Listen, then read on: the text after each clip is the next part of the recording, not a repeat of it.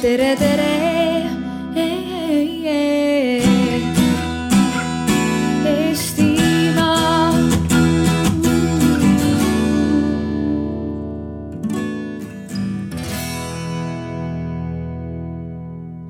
Nagu pereliiget, sest sellest sõltub meie tervis. siis tõesti, sellest me püüame rääkida, mis seisus praegused metsad on, kui palju meie otsused seda mõjutavad, missugune saab see siis saja aasta pärast olema. ja meil on äh, väga erakordselt huvitav ja suurepärane panelistide seltskond täna siin koos, keda meil on rõõm kuulata. paremaid spetsialiste Eestist kokku saada tõesti on väga-väga keeruline niisiis on juba Marku Lamp, kes on siin ka ühes äh, debatis juba osalenud, äh, keskkonnaministeeriumi asekantsler. On äh, Kadri Aia Viik, kes on mittetulundusühingust Ühinenud Metsaomanikud ja esindab sellist metsaomanike häält ja, ja soove ja on Kalle Muuli, kes on keskkonnaministri nõunik ja tõenäoliselt teab, et kõik need äh, debatid, mis praegu erinevates kaevikutes toimuvad, kuidagi ühte suurde kaevikusse kokku saada, kuidas me kõik saaksime üksteisele kuuldavad olla ja, ja lõpuks see tulem oleks ikka selline, mis meid üheskoos hästi edasi viiks. Hardi Tullus, Eesti Maaülikooli metsakasvatuse professor, kes kindlasti teab, missugust metsa ja kuidas meil tuleb siis seda kujundada, mis me peaksime tegema. Asko Lõhmus, kes on ökoloog ja looduskaitse bioloog aasta inimene, kaks tuhat kaheksateist ja Tartu Ülikooli loomaökoloogia õppetooli vanemteadur. Ja Hendrik Välja, Eesti Metsa- ja Puidutööstuse Liidu tegevjuht, julge mees, kes on ka täna siin. aitäh öö, teile tulemast ja loomulikult me oleme Arvamusfestivalil, mitte meie siin üheskoos ei aruta ja ei ütle õigeid lahendusi ega vastuseid, vaid kahtlemata on kõigi teie osalemine meie debatis väga oluline ja väga teretulnud. esimene kiire küsimus teile kõigile jah-ei vormis kõigepealt. kas saja aasta pärast me käime metsas seenel? Alustame Markost. jah, nii, Kadri Aia. kiire vastus kindlasti jah. no nii tore on näha nii ettenägelikke inimesi, et kui me hakkame meenutama, mis oli sada aastat tagasi. ei olnud harvesteri, ei olnud mootorsaagi. isegi käsisaega oli metsa maha võetud ainult mõnikümmend aastat, kuni üheksateistkümnenda sajandi teise pooleni ainult raiuti kirvega metsa nii et nüüd ennustada järgmist sadat aastat, et mitte mööda panna, siis ma ütlen, et kui me kuskil käime üldse seenel saja aasta pärast, siis me käime metsas seenel. aitäh.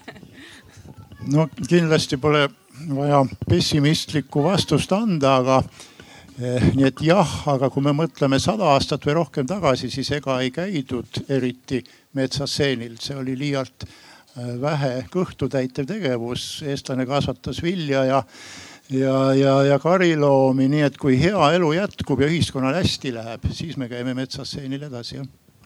Asko Lõhmus.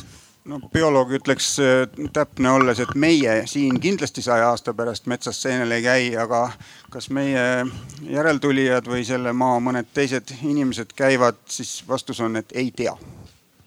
Hendrik Välja no tuleviku ennustamine on tänamatu töö ja, ja selle võrra kogu see tänane debatt meil on ilmselt saab väga keeruline olema, aga ma tahaksin siis küsimusele vastuseks öelda, et ma väga loodan, et jah.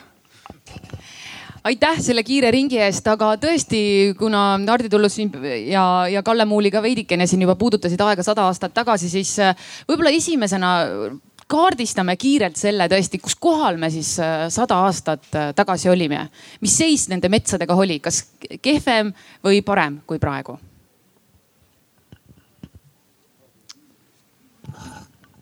no kvaliteedil on palju kriteeriume, aga me oleme üldtunnustatult omaks võtnud, et võib-olla pindalalt just ei ole kaks korda rohkem, sõltub metsa definitsioonist, aga selles biomassi osas, mis meie metsades on olemas, on, on kindlasti mitu korda rohkem ja samuti on läinud enamuses või peaaegu kõigis Euroopa või vähemalt Euroopa Liidu maades, et, et metsa on rohkem kui oli pool sajandit või, või sajand tagasi. millist kvaliteeti seal näha ja milliseid väärtusi, mis reastuses ritta panna ja, ja millest unistada siis saja aasta pärast. see on muidugi iseasi, aga, aga kui see tänane teema oli ette antud, siis ma hakkasin jah mõtlema samamoodi, et kõigepealt, mis oli sada aastat tagasi ja palju on suudetud tehnoloogiliselt muuta ja mis on samaks jäänud ja kuivõrd me juba oleme seotud sellega, mis saja aasta pärast on saja aasta pärast on saja-aastaseid männikuid mitte rohkem, kui me neid see aasta kasvama panime, ilmselt natuke vähem, aga nii me oleme juba seda tulevikku mõjutanud. kas keegi tahab saja aasta tagusest metsast korra veel midagi öelda? jah, ma arvan, et sellel ei ole ühte lihtsat vastust. lendoravaid näiteks oli väga palju rohkem, kui, kui on praegu. levila ulatus üle kogu Eesti ja võime siis öelda, et ei tea, mis jõud see siis oli, et metsa on praegu nii palju rohkem, aga lendoravaid on vähem, eks ole. et ilmselt mingisugune jõud peab olema. aga võib-olla kõige suurem muutus on ikkagi toimunud selles, et äh, ma pakun ja Hardi võib-olla oskab sekundeerida, et ma arvan, et inimesed ja, ja võib-olla eriti veel riik ei, ei tunnetanud seda, et Eesti metsad on maailma osa nii selgesti, nagu me tunnetame praegu. maailm on praegu lahti, maailm on praegu niivõrd ühendatud, et Eesti metsi mõjutavad otsused, mis tehakse võib-olla hoopis kusagil teises maailma otsas ja, ja see noh, see on nüüd küll tõsiselt muutunud, nii et ma arvan, et kui vaadata metsa ka niisuguses sotsiaalses kontekstis, siis väga palju asju on muutunud ja väga raske on mõnikord öelda, kas heas või halvas suunas ja ma ütleksin ka siis, et eh, kui äh, Asko ütles, et lendoravaid oli rohkem, siis põtru oli kindlasti näiteks vähem, onju. et äh, need muutused ongi igal juhul nagu erinevalt suunas olnud. mis veel sada aastat tagasi oli, me hommikul avasime siin ühe näituse, siis oli küsimus, et noh, et kas metsaharidus oli sada aastat tagasi, et et umbes, umbes täpselt sada aastat tagasi hakati siis ka ülikoolis seda andma, vist tuhat üheksasada kakskümmend äkki, et.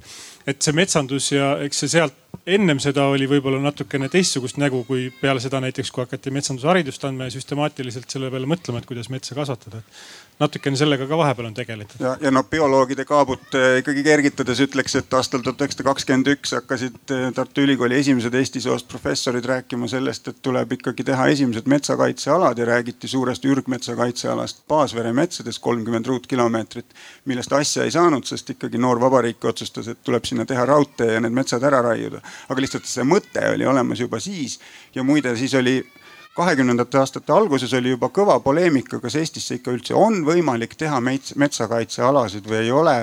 ja noh, arvamusi oli seinast seina Asko Lõhmus, ma siiski tahaksin äh, ühe küsimuse veel küsida, mis puudutab üheksakümnendaid.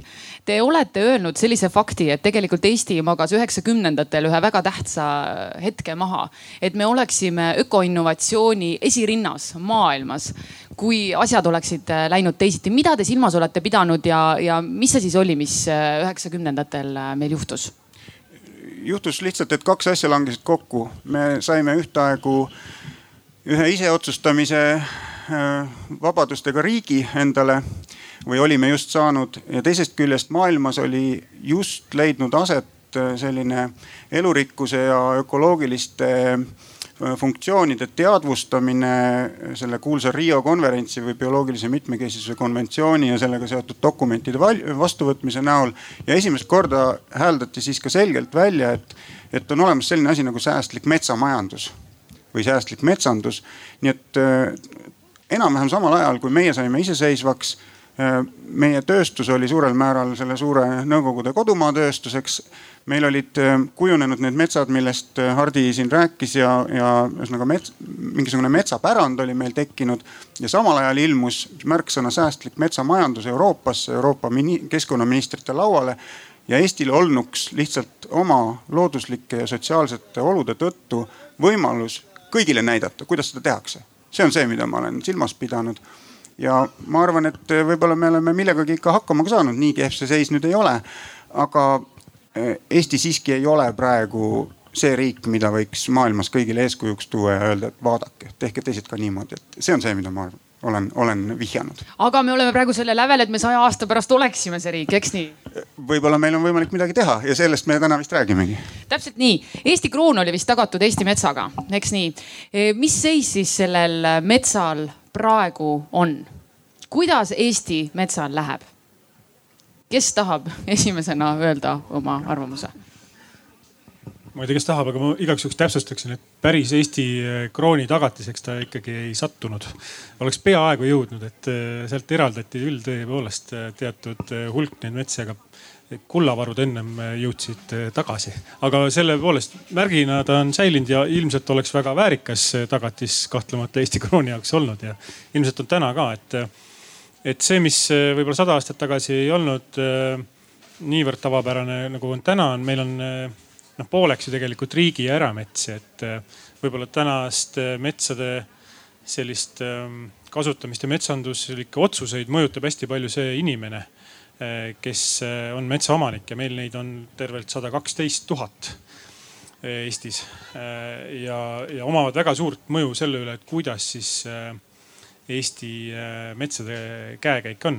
lisaks sellele, et meil on riik ühe suure omanikuna ka ja, ja eks see no alguses võib-olla jäi nagu rääkimata, et äh, keskkonnaministeeriumis jah, seda metsanduse arengukava debatti oleme siin äh, pidamas ja, ja just selle arengukava äh, sellises väga algses etapis praegu ja ootamegi hästi aktiivset osavõttu kõikidelt ka, et, et ja et siin on seda rahvast tulnud. et meil on inimesi, kes siin ka üles täheldavad teie mõtteid, et et kuidas siis paremini seda kõike teha, nii et saja aasta pärast oleks äh, väga uhke tunne kõigile.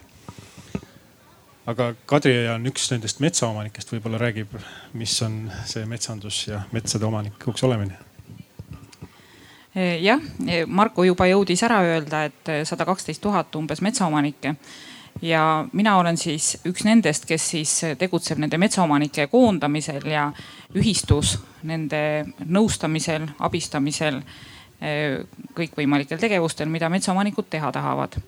aga väga raske on öelda meie, meiegi ütleme nõnda, et küll suures, aga samal ajal siiski väikses metsaühistus, kus on üle tuhande metsaomaniku, on eh, tegelikult väga raske öelda, mida üks metsaomanik täpselt tahab. ja Need soovid on kindlasti väga erinevad, aga kui ma siin nüüd eelmisest paneelist, kes siin kuulamas olid, siis kui äh, kostis hääli, et tuleks rohkem reguleerida ja, ja riik peaks suunama ja ette kirjutama, siis tegelikult see üks asi, mis ma arvan, võin küll metsaomanike nimel kindlalt välja öelda, on see, et metsaomanik tahaks tegelikult ise rohkem otsustada. aga seda tarkust, millega otsustada vot seda saab koos koguda ja seda saab metsaomanikule anda kõikvõimalike ühistuliste tegevuste, õpetamiste, koolituste ja selle kaudu. aga kindlasti ei taha metsaomanik, et tema eest hakkaks keegi otsustama, kellel ei ole nii palju piisavalt kogemust, omandit, andmeid ja, ja teadmist selle kohta, mida tema peaks tegema kui tohib, ma võtan sul sõnasabast kinni, sest jällegi ökoloogide vaatenurk on selline, et maailma ajalugu näitab, et kui loodusvarade kasutamist mitte reguleerida ja anda see ainult üksikisikute noh mõelda, mida nad sellega teha tahavad, siis kahjuks alati tarbitakse üle ja alati lõpeb see asi halvasti. nii et ilmselt me otsime ikkagi mingit mõistlikku tasakaalu selle vahel, kuidasmoodi inimeste vabadused saaksid teostuda ja teisest küljest selle vahel, kuidas üldised hüved saaksid ka täidetud, et noh, see on see selle debati sisu mu meelest. võib-olla kui kolleeg lõpe- või kaasvestleja lõpetas sõnaga debatt, siis ma võib-olla vaataks seda metsaseisu hoopis hoopis, hoopiski sellest debati poolest ja, ja, ja ütleksin, et mõned asjad on paremini, kui nad olid mõnikümmend aastat tagasi ja mõned asjad on halvemini. et kui me hakkasime oma riiki ehitama, siis meil oli vähe meediakanalid. Neid olid õhukesed lehekesed, põhiliselt kompartei trükikojas trükitavad neljaleheküljelised mustvalged üllitised praegu ühest küljest meil on väga palju kanaleid juurde tulnud, väga palju infomahtu juurde tulnud, väga palju võimalust rääkida juurde tulnud ja oma seisukohta avaldada. aga teisest küljest ja on tulnud ka väga palju rääkijaid juurde, meil on väga suur hulk igasuguseid organisatsioone, mittetulundusühinguid ja äh, muid äh, ettevõtmisi, kes väga innukalt looduskaitse või, või metsanduse alal sõna võtavad. aga see kanalite paljusus on tekitanud ka selle, et me üha vähem kuulame ja üha rohkem räägime. et kui me siin üksteise käest just mikrofoni ära ei rebi või kõikidesse mikrofonidesse korraga ei räägi, siis me lõpuks ja, ja üksteist kuulame, siis me lõpuks läheme siit natukene targemini minema ja, ja võib-olla, et oleme kuulnud ka teistsuguseid seisukohti kui ainult meie enda seisukohad. aga, aga pahatihti on praegu kogu selles metsadebatis nii, et kõik ainult räägivad, räägivad oma kitsas grupis ja, ja teisi hääli ei kuulda, nii et see debatt ei vii meid tegelikult äh, väga palju kuhugi edasi, me läheme ainult tigedamaks üksteise peale selle debati lõpuks. Hardi Tullus, kas, äh, kas te tahate sõnastada, kus, kus me oma metsadega praegu oleme? no hindajaid on palju ja, ja, ja nii nagu ilu on vaatajate silmades, olles metsanduse juures päris kaua olnud, siis on ikkagi hulga näitajaid, mille osas on meie seis väga hea. nii metsaressursi, mm, nende kaitstuse osas, kui me räägime arvude keeles ka. ja võib-olla jah, on uskumatu, et, et nii palju kriitikat on ühel ajal tulnud metsade majandamise, metsanduse suhtes, aga, aga ilmselt on see olnud selline paratamatu ja samas heaolu ühiskonna tunnus, et me saame metsas nii palju erinevaid väärtusi otsida ja, ja neid ka siis erinevalt reastada, sest kui nüüd siit jutuga minna, milline on siis lootus saja aasta pärast, siis praegu me unustame ühe olulise jõu ära, kui me metsa ja metsandusest ja metsa olemist räägime. meil on justkui ühel pool metsamehed, kes kas istutavad metsa või heidetakse ette, et raiuvad ja teisel pool on keskkonnakaitsjad, kes siis püüavad neid metsa, neid metsi hoida ja kaitsta ja, ja, ja näha neid mittepuidulisi väärtusi aga otsustavaks jõuks ma väidan ja, ja võib-olla ka diskussiooniks on tegelikult olnud põllumajandus või veel täpsemalt see, kui piltlikult öelda, kas meil on kõht täis või ei ole täis, aga täna on meil heaolu suur.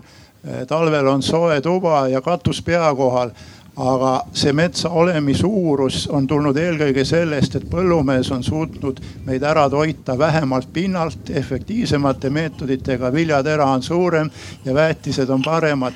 aga kui nüüd vaadata, mis siis maailmas edasi saab, siin kõrval oli Bioreka eh, suur buss ja seal jooksid ühed numbrid ja üks number, üks arv näitas, kui palju tuleb juurde maailma neid, kelle kõht on tühi nii et kui, mis siis saab saja aasta pärast, kuidas need tühja kõhuga on siia paigutunud siia maakera peale.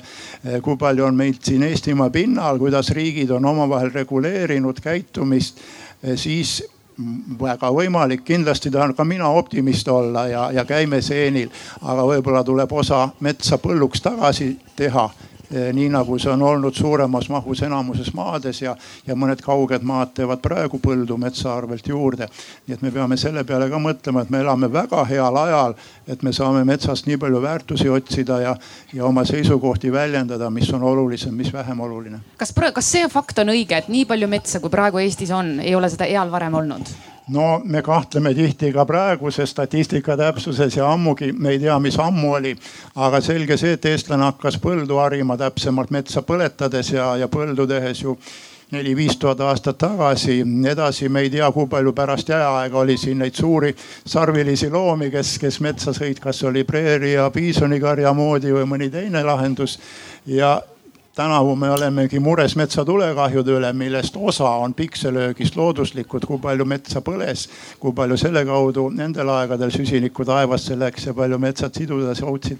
eks ka siin on meil erinevad arvamused, aga, aga ilmselt võib-olla ei eksi, kui väita, et pole iial olnud vähemalt biomassina metsa nii palju, kui seda praegu siin Eestimaa pinnal on. sest metsi majandades meid kindlasti huvitab ka nii-öelda koguda suur kogus puitu pinnaühikule ja siis seda sealt aeg-ajalt võtmas käia ma ainult lühidalt ütlen, et Liivi ja Laasimäri doktoritöö viiekümnendatel aastatel arvestas, et Eesti looduslik taimkate on umbes kaheksakümmend viis protsenti mets. nii et kui see looduslikult kujuneb põlismetsana, ta võib küll põleda, aga sellest on mingisugune väike protsent, eks ole, nii-öelda ei ole see see põline mets, me oleme arvestanud, et, et noh, suurusjärgus kolmkümmend viis, nelikümmend protsenti looduslikust Eestist oleks kaetud põlismetsaga aga hetkel on meil looduslikus seisundis metsi kaks protsenti metsamaast ehk üks protsent maismaast. nii et jällegi oleneb nagu sellest, mida me metsaks nimetame, mida me sellena käsitleme, milliseid väärtusi me tahame saada, aga,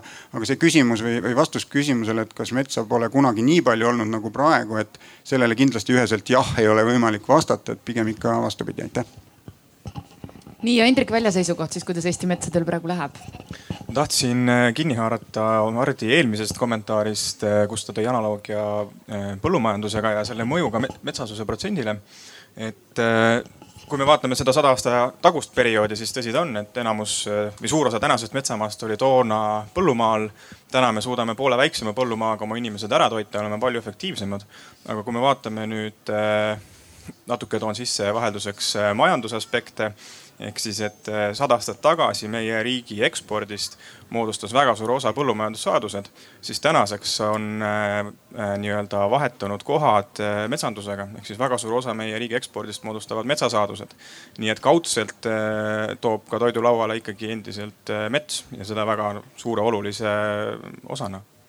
ja ma arvan, et tegelikult on meil väga hästi teha metsaga tahaks Hendrik su käest kohe selle peale küsida, et kui nagu maailma majandusloogika liiguks pigem sedapidi, et toorainelt toodetele ja toodetelt teenustele ja noh, nagu nii nagu me majandusarengut ette kujutame, et miks me siis Eestis peaks nagu selle tooraine juurde sinu meelest tagasi minema ja, ja et, et kas me siiski nagu võtame vastu selle maailma muutumise noh väljakutse või, või, või protsessi või või kas me ei upu sellesse ära, et kui meie mets ei teeni ju ammu enam mitte meie ainelisi vajadusi siin, mida me otseselt metsast saame, vaid peamiselt kaubavahetuse tasakaalustajana hoopiski maailma majanduse kaudu, ehk siis meie, meie metsaturg on hoopis väljaspool Eestit et, et kuhu see sinu arvates nagu viib või mis see lõpptulemus on ja kas ei või juhtuda, et arenenud riigid teevad hoopis mingisuguseid teisi toredaid tehnoloogilisi hüppeid ja meie jääme oma metsa välja müüma noh, nagu tegelikult sellise tagurliku majandusena?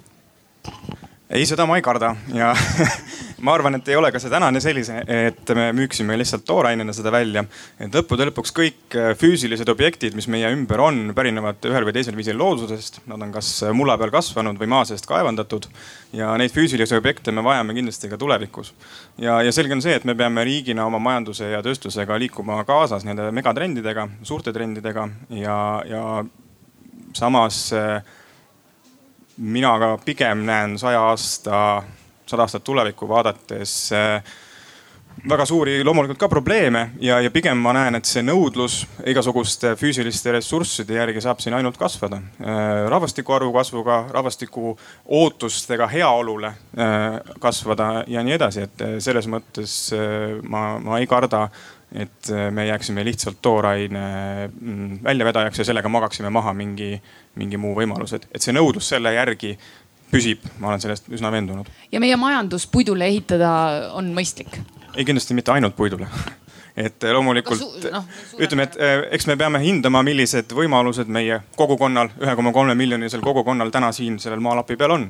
meil on erinevad ressursid, meil on erinevad tarkused, neid me peame rakendama selleks, et oma heaolu siin luua sellisele tasemele, nagu meie inimesed ootavad ja, ja kindlasti mets ja, ja sellest saadav puit on täna üks, üks olulisi neid ressursse. no ma saan aru, et keegi ei julge seal välja ütelda sõna tselluloositehas, ehkki jutt vist sellest käib praegu, aga, aga, aga eks see tegelikult see, see tooraine väljavedu ühelt poolt ja, ja tselluloositehase ümber olnud äh, äh, debatt või vaidlus teisest küljest näitab äh, kui, kui keerulised need probleemid on. ühest küljest me tahame, et oleks meil palju metsa.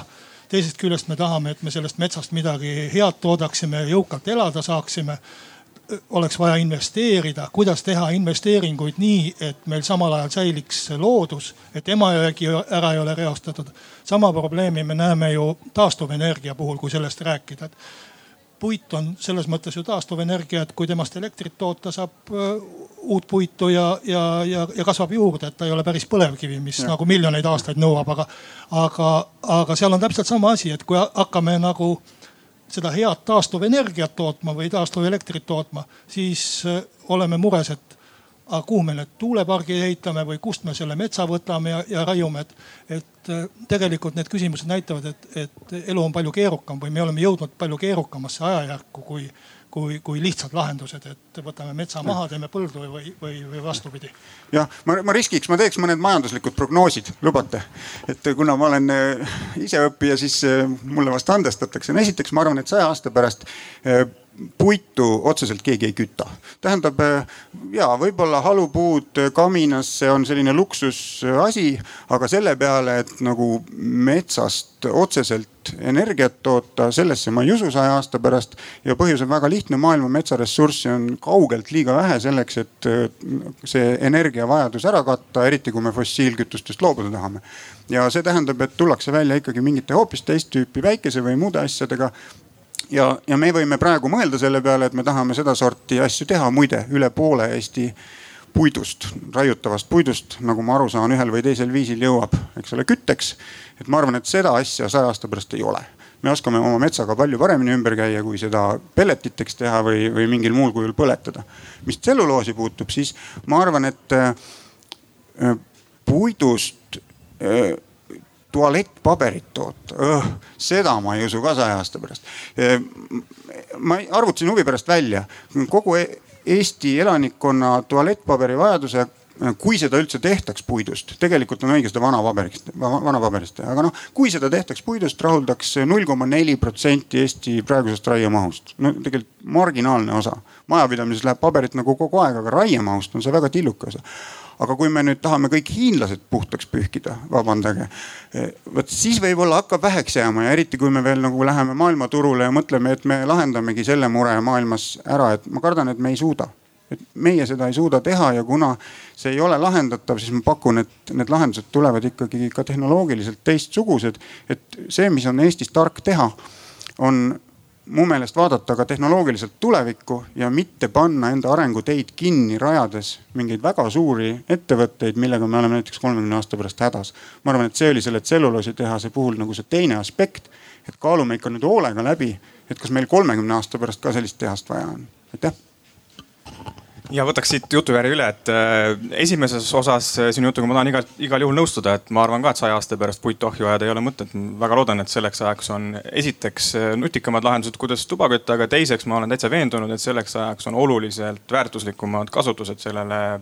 pelleti puid, puidule, mis täna läheb pelletisse, hakkesse, halupuuna, mis iganes aga võib-olla natukene tahaks oponeerida siiski, et kas täna tselluloositehase tegemine näiteks selle arengutee kinni paneks või mitte. mina väidan, et vastupidi, see annabki äh, hüppe, et me saaksime areneda sinna. jah, kui me toodame sellest lihtsalt äh, paberit või, või midagi, siis see on äh, täna ei ole väga nutikas lahendus. aga kui me vaatame puidu väärindamist millist, millised on äh, puidu väärindamise võimalused, suuresti võib jagada nelja gruppi. esimene on äh, energeetiline, ehk siis ajamegi ta lihtsalt ahju, okei okay,, seda me tegelikult väga enam teha ei taha, praegu veel on toa, toasooja vaja saada, kuniks nutikamad lahendused leiame, aga ütleme, et selle, sellega me, äh, selle arendamisega me ei tegele.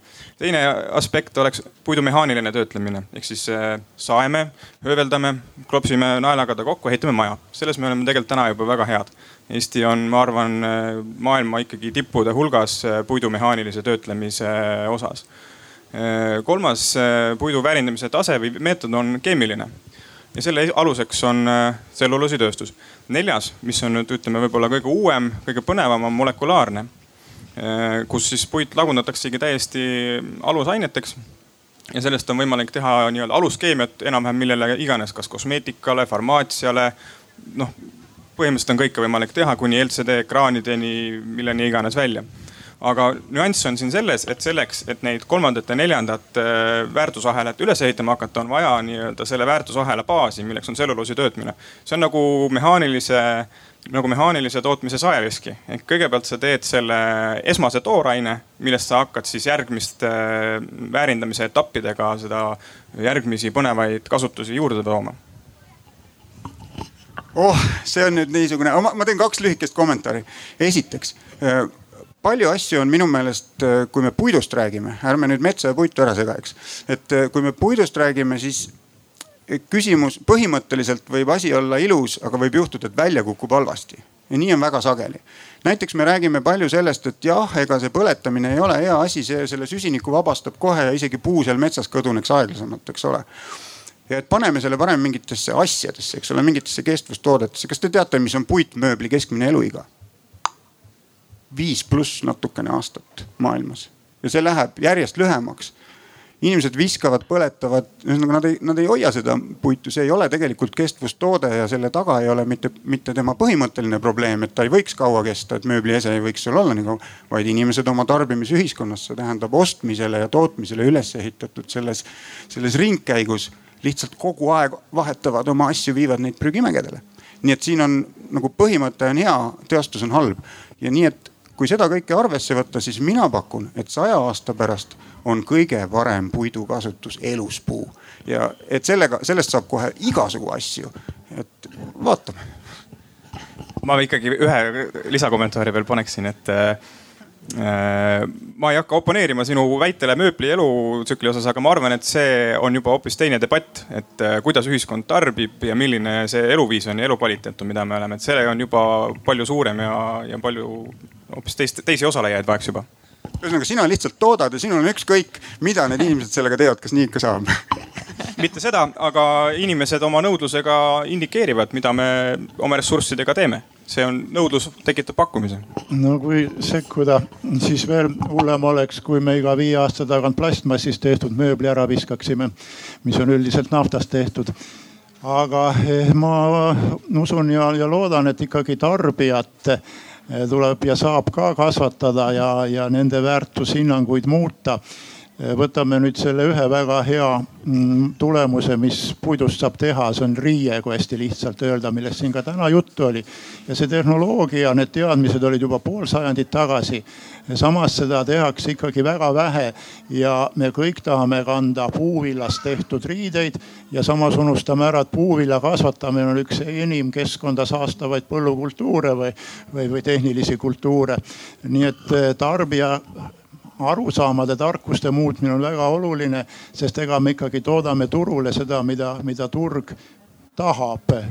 see, see on lihtsalt turumajanduse reegel aga mis veel puidukasutusse puudutab, siis hoone seinas kindlasti on see süsinik kauem ja ka siin, kuigi me oleme Euroopa ja maailma üks kõige paremini täispuidust ma, ma, maju turule, maailmaturule toov riik.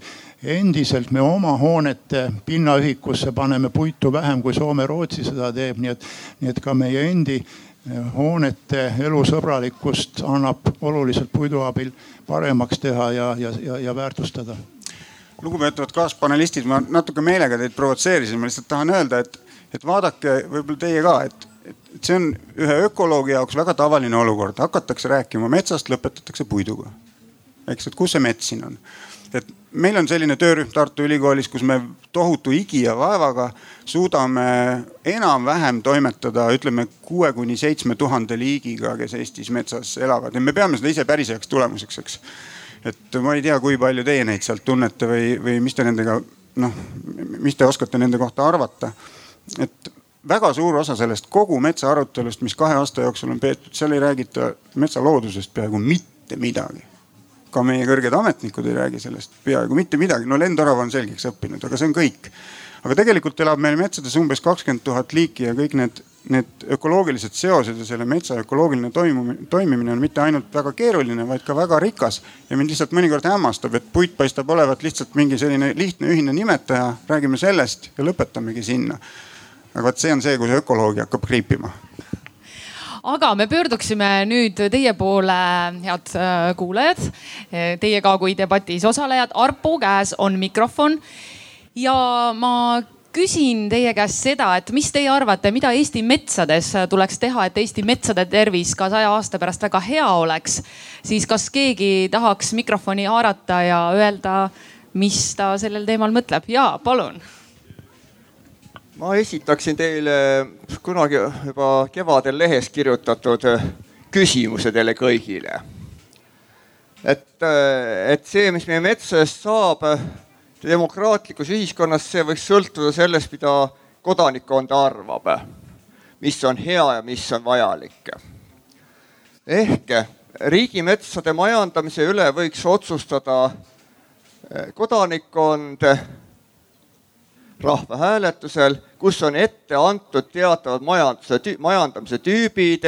no üks on niisugune toortselluloosi tootmise põhine, mis on noh, sihuke praeguseid need maltspuidu kiire raiumise ja tselluloosi põhi, tselluloosile orienteerutud to tootmisviis. teine võiks olla siis selline kvaliteetpuidule, ütleme väikeste lankidega. kolmas võiks olla siis võib-olla veel sihuke püsimetsandus. neljas selline noh, looduskaitseline täielikult kaitstud, et kui küsida kodanike käest, et mida tema oma umbes hektari jagu riigimetsa, mis kaudselt talle peaks kuuluma, et mismoodi seda peaks majandama. mis sellisel küsitlusel võiks olla head, mis võiks olla halba, et igaüks pakkuge välja üks niisugune variant, üks hea variant ja üks halb variant sellise küsimus, küsitluse korral. ja ma olen äh, seda sinu artiklit lugenud ja mõelnud selle üle, minu arvates kui sa üheksateistkümnendal sajandil oleks näiteks küsinud inimeste käest, mida nende meelest peab metsaga tegema, oleks nad andnud ühe vastuse ja oleks küsinud kolmkümmend aastat hiljem, oleks nad andnud järgmise vastuse. et ma arvan, et kõige suurem probleem võib olla see, et see võib niivõrd sõltuda kohe, kohe noh, mingitest hetkeoludest, see, kuidas rahvas parasjagu arvab ja, ja võib-olla kõige olulisem ja niimoodi teoreetiliselt, et demokraatia toimib ikka ainult selles piires, kus me teame. tähendab juhul, kui me ei tea, siis demokraatia lakkab toimimast et me vähemalt peab olema seal õppimise võimalus, peab olema ümberotsustamise võimalus ja vot metsas see pidev ümberotsustamine on suhteliselt tülikas. nii et ma arvan, et need on need kõige suuremad piirangud, aga samas küsida inimeste käest, seda on ju tehtud et äh, Eurobaromeetri uuring äh, kaks tuhat kolmteist küsis äh, muuhulgas Eesti, aga ka teiste Euroopa riikide inimeste käest, et, et milliseid hüvesid nad metsas kõige olulisemaks peavad, nimetage kolm. ja no ilmselt te tulemusi teate, eks ole, esimesel kohal oli liikidele elupaiga pakkumine, teisel kohal oli kliimafunktsioon ja siis tuli alles puit. et ma ei ütle, et selle järgi peab metsi tingimata majandama, aga see on midagi, mida võiks muidugi arvestada, aitäh. ma ütleks ka, et noh, positiivne võib-olla selle juures on see, et äkki siis noh, kui me suudame seda hästi nagu läbi viia, siis äkki see, me saaksime sellesse arutelusse hästi palju kaasamõtlejaid, et et ongi hea, kui eh, ühiskonnas inimesed mõtlevad selle üle, et kuidas seda metsaressurssi kasutada. aga kui me liiga tihti hakkame seda küsima, et kas nüüd iga aasta, et ma näen siin samasuguseid ohte, et noh, et kas me hakkame siis oma metsakasutust iga aasta siis ümber nagu eh, noh, siis eh, praktikas kujundama, et ma ei näe nagu sellisel nagu väga suurt praktilist nagu võimalust, et see võib-olla on selle asja nagu negatiivne pool kodanike kaasarääkimine ja kaasamõtlemine on alati teretulnud, et see, selles ei ole nüüd küll midagi halba, see on see positiivne pool, eks. aga negatiivne pool on tõesti see, et see nõuaks väga põhjalikku, nõustun siin Askoga, et väga põhjalikke teadmisi, väga põhjalikku otsustusjulgust ka sellisel juhul, sest just eile arutlesin ka umbes sarnase teema üle ja kui küsimus on näiteks see, kas te sooviksite, et teie makse vähendataks, siis ma arvan, enamik lihtsalt vastaksid tõenäoliselt jah aga kui, kui pärast sinna alla väikses kirjas nagu kindlustuslepingutes panna, et, et kaks kooli, kaks teie kõige lähemat kooli pannakse kinni, sest te ju tahtsite seda, siis võib-olla te vastaksite ei, eks ole. nii et kas teil see taustasüsteem kodanikel on kõikidel otsustamiseks nagu olemas ja, ja see julgus olemas, et see taustasüsteem on, te teate sellest kõike ega positiivse poole pealt ma ka ei suuda midagi rohkemat äh, välja mõelda kui eelkõnelejad, et kui me korraldaksime mingis metsaküsimuses rahvahääletuse, siis on kindel, et äh, mitu kuud on metsateema kõige suurema tähelepanu all ühiskonnas ja see on kindlasti positiivne. ja, ja väga paljudel inimestel, ma ei arva nüüd, et kõigil aga ütleme, et ikkagi poolel ühiskonnal tekiks mingisugune seisukoht ja, ja loetaks ja uuritaks, et see oleks kindlasti väga hea. aga väga halb oleks see, et me saaksime otsuse, mida on väga raske muuta. näiteks kui otsus läheb äh, viltu keskkonnaministeeriumil, mida juhtub, siis on seda lihtne muuta, minister annab uue allkirja uuele, uuele paremale paberile. aga rahvahääletuse otsust, äh, vaadake, mis Suurbritannia oma Brexitiga praegu teeb. võib-olla oleks paar protsenti läks teisele poole võib-olla me metsades saame ka tulemuse kus, kus null koma viis protsenti arvab ühtmoodi või on enamuses. ja, ja paari aasta pärast tundub, et meil läks otsus viltu, väga keeruline on sellist otsust muuta. et eh, me saame väga jäigad süsteemid, kus me peame pikaks ajaks nagu arvestama ja teiseks ja, ja ühte asja tahan ka ütelda. ega metsal ei ole ju ühte ja ainukest funktsiooni, meil on looduskaitsealused metsad, meil on majandusmetsad on erinevaid metsi, et äh, seda on väga keeruline niiviisi hektarite kaupa hakata hääletama ja aga tegelikult ma lihtsalt tuletan meelde, et selles ettepanekus oligi, et lihtsalt vastavalt rahva soovide proportsioonidele jaotatakse just nagu see riigimets siis nende eri funktsioonide vahel, et see oli selle mõte, nagu ma aru saan. kas no, need, kes hääletasid puidu varumisele, need võiksid ka metsas jalutamas käia pärast? Tähendab, demokraatia on kindlasti suur väärtus ja, ja meil on suur võimalus kõigest sõna kaasa öelda, aga, aga minu arusaam on ikkagi ka sedamoodi, et, et me ei saa rahvahääletusele panna, kuidas pimesoolt opereerida. ma ikkagi usaldaks seda haritud arsti, kes selle otsuse teeb. jah olen Hardiga siin väga ühte meelt, et me oleme tänapäeval ühiskonnas kõik nii spetsialiseerunud ühele kitsale valdkonnale, et me peame lihtsalt teatud mõttes usaldama siis mingi valdkonna spetsialisti midagi tegema. loomulikult need spetsialistid peavad ka usalduse välja teenima. aga, aga ma kardan jah, et, et kui lihtsalt küsida, ilma et sellel küsimusel oleks teist poolt, siis see ei pruugi anda ikkagi tegelikult seda tulemust, mida tahetakse ma siiski tahan täiendada seda, et minu, minu meelest see ei ole nii lihtne ja see pimesoolega opereerimise äh, noh, võrdlus on ainult teatud piirini võimalik, sellepärast et kui me räägime metsakultuurilistest funktsioonidest näiteks, siis äh, kes on see spetsialist, kes ütleb, milline peab metsakultuur olema? ei, selle kultuuri need inimesed teevadki, kes selles ühiskonnas elavad.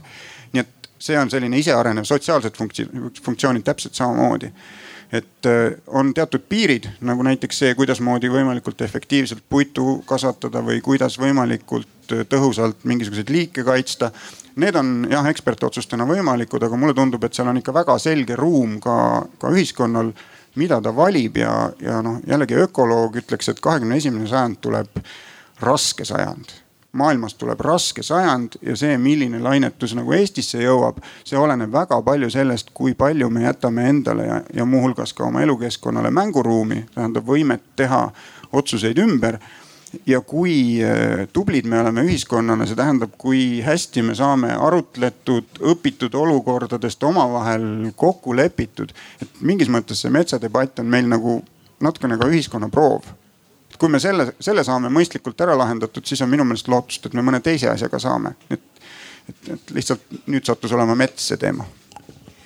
nii ja ma saan aru, et rahva seast ja veel arvamusi. Tiit Kõnussaar, et äh, Hardi Tullus küll ütles selle mõtte ära, mis mul peas oli, et äh, Eesti metsadele oleks võib-olla kõige kasulikum, kui teadlased tuleks äh, kapist välja rohkem rahva jaoks, et äh, et nad äh, püüaks äh, seletada ka seda, mida nad on terve oma eluaeg äh, seda keerulist süsteemi uurides teada saanud ja aru saanud. et võib-olla isekesi keskis on see asi selge, aga et paljud peavad ise kodus arvutama, sellepärast et nad millegipärast ei usu, et teadlased teevad head tööd. et ma arvan, et see sõnum võiks olla teadlaste poolt natukene tugevam just suunatuna inimestele. aitäh aitäh, Indrek Vaino olen mina.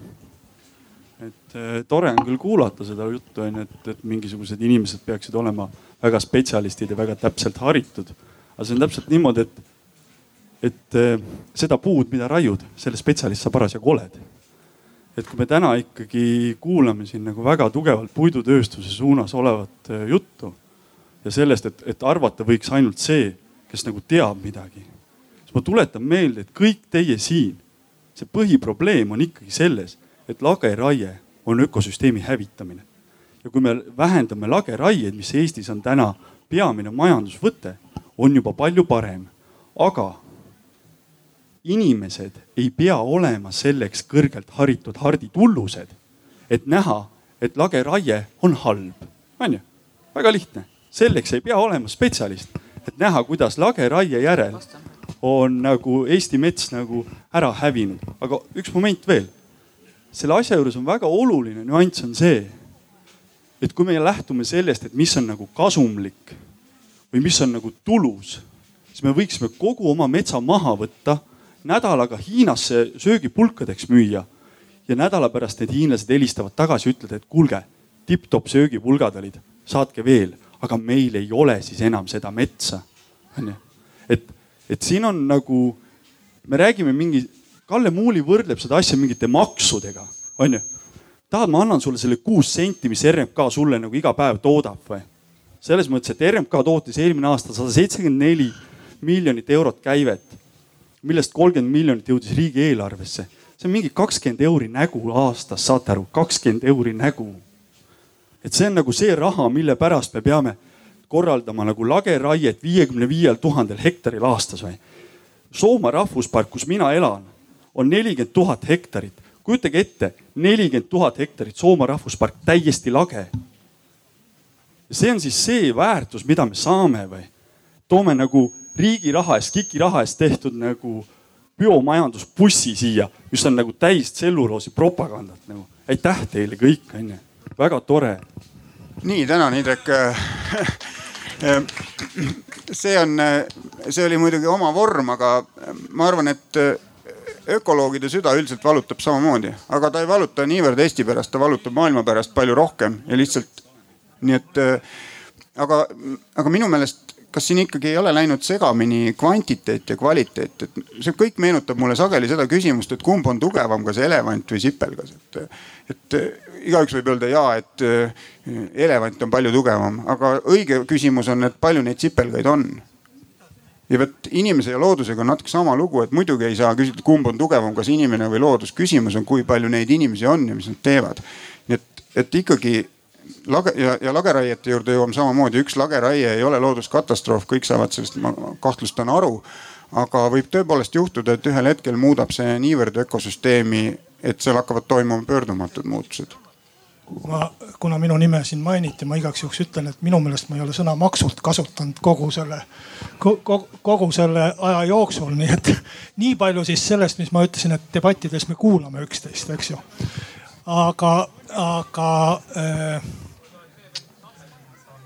võib-olla, võib-olla me neid, neid äh, raiumisi, raiumisi ja, ja, ja, ja metsa erinevaid äh, elutsükleid vaadates peaksime mõtlema selle peale, et metsa eluiga on noh, vähemalt võrreldav inimese eluiga, eaga, kui ta mitte pikem ei ole. ja, ja sellist ühte, ühte hetke fikseerida. Äh, mina mäletan oma lapsepõlve, ma olen kuuekümne aastane kuuekümnendate alguse poolel olid Nõukogude kolhoosikeskused juba olemas, aga nende taga ja ümber olid talupõllud. me mängisime seal äh, söötispõllud, äh, olid pommiaugud, kõik sõjajäljed olid veel näha. ja nüüd, kui ma lähen oma kodukanti ja vaatan seda kuuekümne aastast, aasta tagust äh, põldu, siis seal kasvab mets. Kui me nüüd selle maha raiuksime siis tõesti kõik külaelanikud ütleksid, et küll on inetu. aga omal ajal seal oli lage plats, et äh, maastik muutubki meie ümber. Äh, halb on see, kui me viime ta tasakaalust välja, kui me tõesti teeme seda, mida Indrek siin ütles, et raiume kõik lagedaks, et mitte midagi enam ei ole.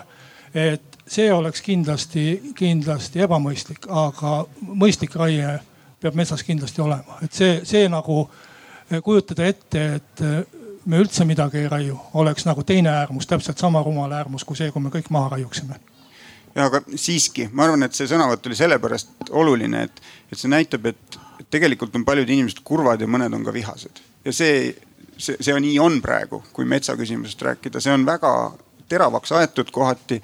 ja, ja noh, minu arvamus on see, et, et kahjuks, eks ole, ministeerium magas selle õige hetke maha ja mina istusin tollel ajal ka Riigi Metsandusnõukogus ja, ja umbes kaks aastat ennustasin seda protsessi ette et see, see on tuvastatav, sellepärast et tajud nagu seda meelsust, saad, saad aru, kuidas inimesed mõtlevad. et ministeerium, tõsi, minu meelest ikkagi alguses ei saanud aru, et asi on nii tõsine, et see, et see, et see mure või see emotsioon on nagu nii tõsine. ja noh, sellepärast see kumuleerus ja sellepärast me oleme praegu nüüd olukorras, kus tõepoolest mõnel puhul ka võib-olla ärakuulamisega tekivad probleemid et, et aga samas ignoreerida seda, et inimestele teeb see muret ja mina olen isiklikult näinud vanainimesi õnnetult metsast välja tulemas, kes ütlevad, noh ma elan ka külas. ütlevad, neil ei ole enam kusagile mustikale minna, see on see koht, kust nad said oma sissetuleku, neil ei ole seda enam. et mis nad siis tegema peavad? Et see minu meelest ikkagi näitab, et äh, paljudes kohtades asjad ei ole hästi planeeritud, ehkki meil võib tunduda, et meie makromajanduslikud näitajad on väga okei okay,, metsasuse üldnäitajad on väga okei okay,. aga ometigi on kusagil palju kurbasid ja, ja, ja võib-olla ka pettunud inimesi ja siis pole ka midagi imestada, et kui läheb viltu mõni pressiteade või, või kusagil mingisugune number mõnes artiklis kogematagi kukub välja vale et, et sellest hakkab veerema üks lumepall, mida on raske peatada. nii et minu meelest me metsa puhul tegeleme korraga mitme probleemiga, millest üks on sotsiaalne ja kultuuriline ja minu meelest me peame sellega tegelema ja mitte rääkima ainult sellest, et tegelikult on kõik objektiivselt võttes korras nojah, siin kahjuks ma pean nüüd vabandama, et Kalle sai nüüd selle minu välja öeldud repliigi eest, eks ole, piki päid ja jalgu, aga, aga, aga see oli lihtsalt üks näide, nagu me siin tõime, eks, aga ma tõesti olen väga seda meelt muidugi küll, et äh, arvama peavad need, kes teavad. Tõesõna, ma ei tea, ma olen seda korduvalt ka seda nalja teinud, eks ole, et me kõik arvame, et me teame haridusest kõike ja, ja tervishoiusüsteemist ka, sest me oleme ju haiglas sündinud ja koolis käinud aga ma siiski usun, et see nii päris ei ole, eks ole, ja noh, sellised ultimatiivsed eh, nagu üleskutsed, et lõpetame midagi nii ja muutustega toimetulek on inimestele raske alati ja selleks on omad teooriad, kuidas muudatusi juhitakse ja kõik ja võib-olla tõesti, ma ise mõtlesin selle peale siin nüüd teades, et täna see debatt tuleb et kahekümne viie viimase aasta jooksul on inimesed väga-väga kiiresti ja väga palju pidanud igasuguseid muudatusi läbi tegema. alates oma töökohtadest, elukohtadest, riigikorrast rääkimata, eks ole, ja kõigest sellest ütleme, kõik see, mis oli mingil määral stabiilne, on nüüd olnud väga kiires muutuses ja see võib muidugi selliseid protsesse üles kutsuda, kus me tahaksime nagu järsku siis nendes muudatustes ise kõikidest noh, nii-öelda pidurit tõmmata, öelda, et las kõik jääb nii nagu oli aga need tammed ei ole järgmisel aastal enam eh, nii sellised, nagu nad on täna. ja ükski metsatükk ei ole ka saja aasta pärast selline, nagu ta on täna. ja ka lageraie ei ole saatanast ega kurjast, sellepärast et me armastame väga metsmaasikaid ja vaarikaid ja neid saab lageraielangilt, mitte kusagilt mujalt, eks ole. nii et äh, muudatused on paratamatud, aga kaasa rääkima selles kõik peaksid ja võiksid, aga siiski mitte viha ega raevuga, vaid teadmiste ja argumentatsiooniga natukene samal teemal, et, et rahvahääletust saab korraldada ainult teemal kus inimesed saavad, saavad äh, infot, kus nad, kus nad äh, teavad reaalselt, millest on jutt. et nad on informeeritud ja äh, teine pool on võib-olla ka see, et nad on sellest puudutatud. et see on tõesti tema teema, ta ei hääleta mingit suvalist probleemi, kui ta reaalselt metsas ei käi, elab ainult linnas, siis ta, kas ta võiks hääletada, võiks mitte hääletada. ja sealt edasi võib-olla natukene filosoofilisem küsimus, et, et siin oli number, kui palju liike metsas elab, tuhandeid. et mõelda selle peale, et kes me siin oleme, et üks liik nüüd otsustab kogu metsa üle. et äh, võib-olla me peaks mõtlema selles suunas, et, äh, et selle vastutuse üle, mis meil kõikide teiste liikide eest, tuhandete liikide eest on, kes seal metsas samuti elavad ja kellelt me ei suuda rahvahääletust korraldada või kõikide liikide vahelist hääletust korraldada, et mis sellest keskkonnast nüüd saab. et äh, mõelda tervikuna selle üle ja selle vastutuse üle, mis meil tegelikult on kõikide nende teiste ees, kes seal on miljonite ja miljardite kaupa. kui, kui tohib äh, repliigi korras äh, peegeldada siin eelmiste sõnavõttude baasilt äh, tunnetust, mis, mis kujuneb või mis selles metsadebatis minul on kujunenud viimaste aastate jooksul, on, siis on selline, et, et see on väga keeruline, väga raske debatt ja see on põhjustatud sellest, et me räägime samaaegselt äh, kasutades argumente ühe või teise või kolmanda asja tõestamiseks eh, väga eri tasanditel. me debateerime korraga ühe raielangi üle, ühe kohaliku kogukonna, riigi poliitika, globaalsete probleemide üle, me räägime korraga eh, inimeste majandussüsteemist, ühiskonna, inimeste elukorralduslikest süsteemidest ja loodusest. me räägime korraga niivõrd eh, erinevatest ja niivõrd suurtest teemadest, et tegelikult sellise debati pidamine ilma mingite valikute või lihtsustuste tegemiseta ilmselt ei olegi võimalik. võib-olla oskab äkki mõni panelist kommenteerida aga liigume tegelikult selle juurde, meie debatist on suur osa praegu kulunud ka praeguse hetke kaardistamisele. et mis siis tegelikult me saaksime teha paremini, et see mets saja aasta pärast oleks olemas, oleks hea ja, ja mida me Eesti metsa heaks peaksime siis täna ja mida me saame teha? Ma igaks juhuks alustan, kui tohib, et, et äh, Asko siin ennem mainis ka, et noh, et ministeeriumi poole pealt on tehtud äh, nii-öelda võib-olla mitte kõige targemaid otsuseid ja, ja, ja hommikul siin oli ka meil ju debatt, et kuidas kaasata ja, ja, ja noh, see kaasamisoskus ja, ja kaasarääkimisoskus ja selle arendamine ja, ja kõik need olid meil hommikul juba läbi käidud ja eks see mõnevõrra ongi äh, noh, ajas muutuv nagu siin ennem ka ju öeldi, et ja, ja, ja täna see võimalus tundub olevat väga hea, äh, et metsandusteemade äh, osas laialt kaasa rääkida, see on üks äh, ähm, nii-öelda mõte ka selle uue arengukava tegemisel, et me tulemegi kokku ja, ja räägime siis selles olukorras nüüd asjad selgeks, et see on hästi valus inimestel on palju emotsioone sellega seonduvalt, meil on arengukava töörühmades no inimestel no, selles noh vajab hästi palju kannatust, et kõik see läbi teha. aga me oleme võtnud selle tee, ma arvan, et see on, ongi vajalik, eks need asjad läbi arutada ja siis need õiged otsused teha.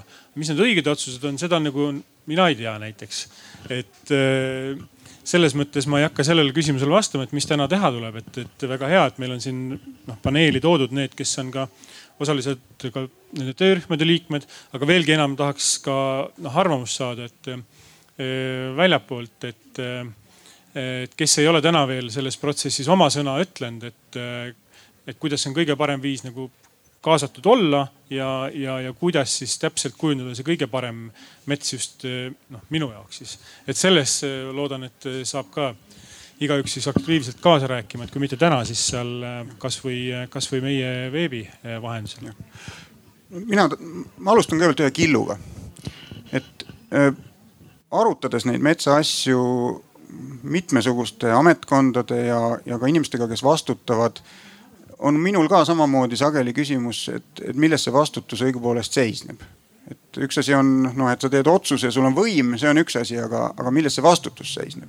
ja, ja kui tuua üks lihtne näide, siis minu meelest väga paljud inimesed, kellega mina olen rääkinud, tahaksid olla Eesti looduse ja Eesti metsa üle lihtsalt uhked. tähendab, asi ei ole selles, mis sa omad või, või asi ei ole mõnikord selles, mida sa tarbid, vaid asi on selles, mida sa oma riigist, kultuurist ja maast arvad. see on niivõrd oluline, et selle nimel minnakse sõtta meil ei oleks seda Eesti riiki, kui ei oleks olnud inimesi, võib-olla need alguses olid koolipoisid, eks ole, kes läksid selle riigi eest sõtta. no vot, ja tulles nüüd tagasi selle detaili juurde, siis ma olen mõelnud, et, et nii paljud inimesed räägivad seda, kuidasmoodi nad elavad kusagil maakohas ja e, seda ümbritseb mets, mis ei ole nende oma tähendab, eraomanikuna ei ole. ja ühel heal päeval tuleb keegi ja raiub selle metsa maha. eriti veider ja seda on juhtunud minuga ka e, see on RMK, see tähendab, see on riigimets, see on just nagu meie kõigi mets ja mul ei ole vähimatki õigust öelda, et olge head, ärge raiuge mu kodu lagedale. selles riigis ei ole sellist võimalust. ja vot minu meelest see on lihtsalt kultuuritu et võiks olla midagi, mille üle me Eestis oleme ka metsakultuuri mõttes uhked ja miks ei võiks see olla näiteks see, et teate, meil ei raiuta kodusid lagedale. lihtsalt selline komme on ma ei näe selles mitte midagi teostamatut, ma näen, et see on hea tahte taga. kindlasti on sellel oma kulud, aga võib-olla see, see, see kultuuriline kasu, see vastutus, mida näiteks riigimetsa majandaja sellises olukorras tunneb, on, on olulisem. et mulle tundub, et väga paljud need otsuse langetamised kogu selles metsadebatis jõuavad lõpuks ikkagi selleni välja, et see, mis juhtub meie metsadega, ei ole mitte midagi muud kui see, mis juhtub meie inimestega mis on nende inimeste peades, kes teiste inimeste kodusid lagedaks raiuvad? üks arvamus rahva seast. tere. see on väga hea, et äh, räägitakse hästi palju nii-öelda emotsioonidest ja mina olen ka hästi emotsionaalne inimene. mul on ka kakskümmend hektarit metsa. samal ajal olen sihukene keskmise suurusega ettevõtja. minule meeldib ka põlismets raudselt rohkem kui raiesmik. tunnistan täitsa siiralt aga samal ajal mulle meeldib ka väga see, kui minu vanaema või minu ema saab haiguse ravitud Haigekassa poolt. kui minu lapsed saavad koolis käidud ja nii edasi. ühesõnaga, kui ühiskonna kulud saaksid kaetud. Eesti metsa- ja mööblitööstus paraku katab umbes ühe mil-, tähendab parandab umbes ühe miljardi võrda, võrra Eesti kaupade ekspordi ja mi, impordi miinust. meil on võimalik sellest loobuda raiume poole vähem metsa maha ja loobume, aga siis tekib küsimus, millest me loobume. kas me loobume kõigist nendest asjadest, mida meile nimetatakse, et on nagu tasuta. kuigi kõik, iga, iga mõtlev inimene saab aru, et tasuta asju ei eksisteeri. ei ole tasuta ühistransporti, ei ole tasuta haridust, ei ole tasuta haiglaravi, midagi ei ole tasuta. mille arvelt me neid kinni maksame? kui te natukenegi süveneksite nii-öelda Eesti Vabariigi maksutuludesse ja kuludesse, siis saaksite aru, Eesti suures osas elabki paraku metsast. ja seda asja peaks nagu enne muutma ja siis loobume raietest. jah, ma vastan sellepärast, et kuna see oli minu kommentaari peale öeldud, et see on väga emotsionaalne, vaadake, ma võin väga põhjalikult rääkida metsaökoloogiast, nendest liikidest, kõikidest nendest tuhandetest koos ladinakeelsete nimedega, ma kardan, et enamik teist ei ei noh, ei, ei saa päriselt aru pikka aega, millest see jutt käib, see on põhjus, miks me lihtsustame niivõrd oma debatti. aga mis puutub äh, majanduse arendamisse, siis siin on minust targemaid inimesi, aga mulle siiski tundub, et, et riigil on äh, päris palju hoobasid, et kujundada seda kuhu suunas tööstused arenevad. selge see, et kui tehakse, tehakse järgmisi investeeringuid ja noh, arendatakse ühte tööstusharu, siis ühel hetkel on väga lihtne öelda, et aga majandus püsib sellel. Aga majandus on ikkagi ometigi juhitav ka. et päris nii lihtne see ei ole, et me, meil on nüüd selline majandus, meil on põlevkivitööstus ka. meil on korraga laes nii põlevkivi kaevandamise mahud kui metsaraie mahud ja siis me räägime veel taastus, taastuvenergeetikast, ei tea, kuidas see juhtus tegelikult on probleemid väga suured ja, ja ma arvan, et kõige targem ja kõige rahumeelsem on vaadata metsa ikkagi kui üht sellist süsteemi, mis peab täitma paljusid funktsioone. Ja kui me räägime sellest, mis saja aasta pärast on, siis me peaksime vist kujutlema, mis on sellel ajal või ka teel sinna need metsa kõige olulisemad funktsioonid. vaadates maailma kujunemist ja seda, et me oleme juba nabanööri pidi selle maailma nii majanduse kui ökoloogia kõigega, me oleme täiesti lahutamatult seotud. siis ma lihtsalt väidan, et ei ole eriti tark teha Eesti metsast tööstusparki, see ei ole tark, vaadates kahekümne esimese sajandi tõenäolisi arenguid.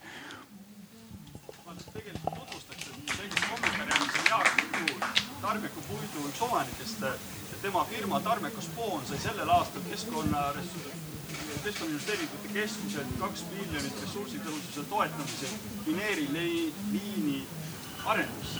teine tutvustada ka ennast ja siis? ma ütlesin, et ma sa jälgisid, kas te vaata, kellega on tegu.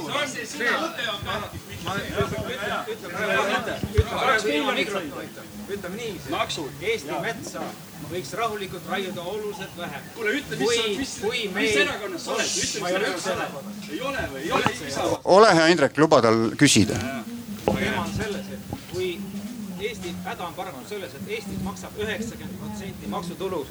üheksakümmend protsenti Eesti maksutulust, millega Eesti riiki üleval peetakse, maksab kakssada nelikümmend üks tuhat töökohta, kus töötas aasta keskmisena umbes kolmsada tuhat inimest.